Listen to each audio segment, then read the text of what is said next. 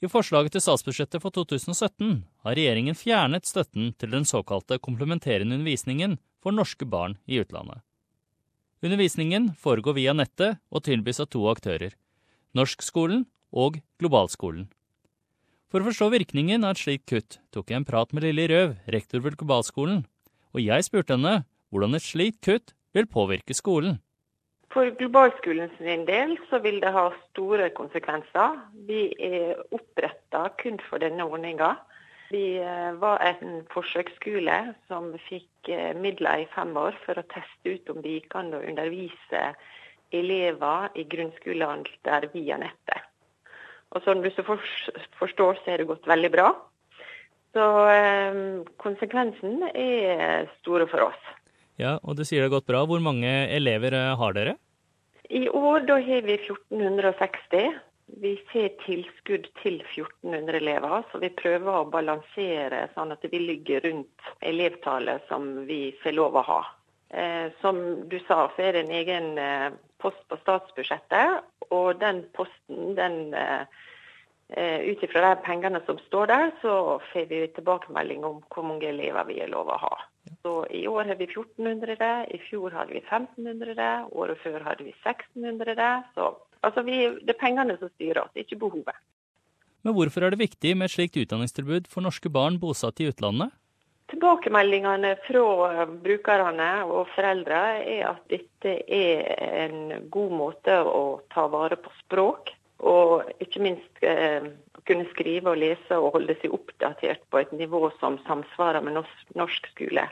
For mange som bor ute, så er dette en vanskelig jobb. Og mange av elevene går på skoler der de snakker andre språk. Og i heimen er det også en krevende situasjon med mye lekser og stort press. Så at de har globalskolen og kan på en måte sette av tid og prioritere det og få gjort under det viktige, det er stor hjelp. Og tilbakemeldingene sier også at de som flytter tilbake til Norge, de har ingen problemer med å gå inn igjen i den norske skolen. Og det er nå det som er hovedmålet, å få dem til å integrere godt i det norske skolesystemet også. Men uh, hvorfor skal den norske staten betale for de som har valgt å bosette seg i utlandet? Nei, det er noe, kanskje det som akkurat blir diskutert nå da, på, på Stortinget. Eh, denne ordninga ble oppretta på 80-tallet, og det var i utgangspunktet kanskje for eh, de som jobber på ambassadene. Etter hvert så har nordmenn blitt flere som har reist ut, og i dag så er det mange som jobber i store norske selskap. Andre reiser ut som gründere, andre gifter seg. Det er mange, mange modeller.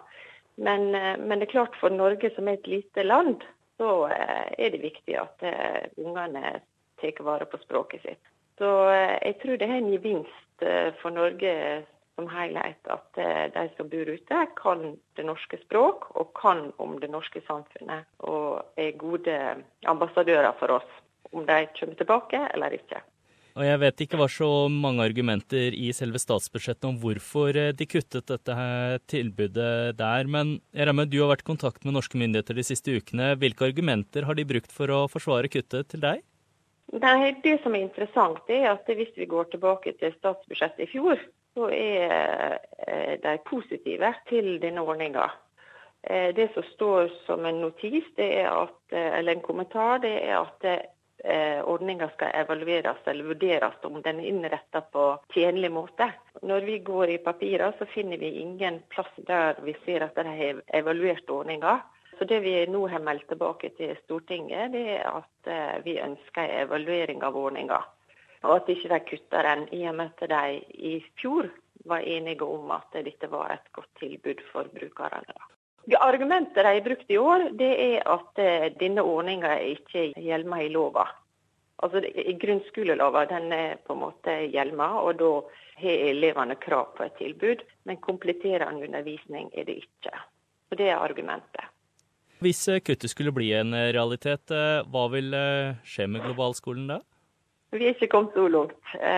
Vi, nå jobber vi for å bevare global skole. Vi har allerede hatt møte med KrF og Venstre forrige uke, som stiller seg positivt til den ordninga.